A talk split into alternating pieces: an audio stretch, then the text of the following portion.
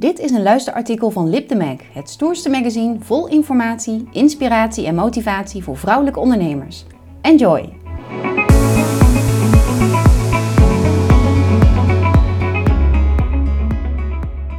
Wanneer je niet in het ideale plaatje past, luister dan dit artikel.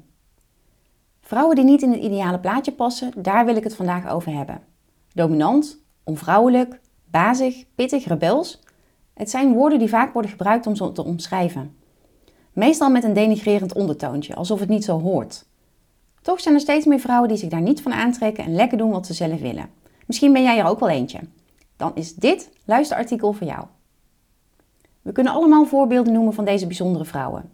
Vrouwen die zich niet conformeren aan wat de maatschappij van ze verwacht.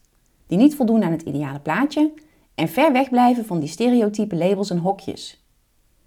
Je ziet ze vooral onder de steeds groeiende grote groep vrouwelijke ondernemers in Nederland, omdat ze als eigen baas zelf de spelregels kunnen bepalen. Het vereist behoorlijk wat lef om uit hokjes te breken. Je krijgt van alle kanten commentaar, als mensen het al aandurven om het recht in je gezicht te zeggen. Maar meestal blijft het bij fluisteren en vang je hier en daar wat op. Het wordt al snel pijnlijk duidelijk dat je anders bent dan de rest.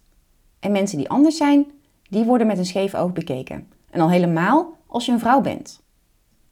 Van mannen wordt het sneller geaccepteerd als ze afwijkend gedrag vertonen. Soms zelfs geïdealiseerd. Mannen kunnen onbelemmerd dominant, rebels en anders zijn. Tja, het is een echte man hè, hoor je dan.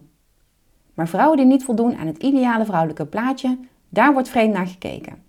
Zo zonde vind ik dat. En vrouwen onderling zijn het ergst. We houden elkaar in de gaten en houden elkaar klein. Een vrouw die haar hoofd boven het maaiveld uitsteekt, moet heel sterk in haar schoenen staan. En daardoor blijft heel veel talent onder de radar. En dat is precies waarom ik met Lip ben begonnen. Ik wil deze vrouwen een podium geven waar ze helemaal zichzelf kunnen en mogen zijn in al hun rebelse glorie. Niet in het ideale plaatje passen is wat mij betreft juist een voordeel. Iets waar je trots op mag zijn. Liever een unicorn dan 13 in een dozijn, right? Voor en door vrouwen die elkaar het grootste applaus geven bij ieder klein succes.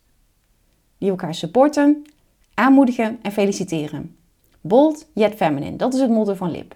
En als jij je herkent in deze tekst, dan kom ik graag met jou in contact. Stuur me een berichtje via Instagram op Lip the Mac.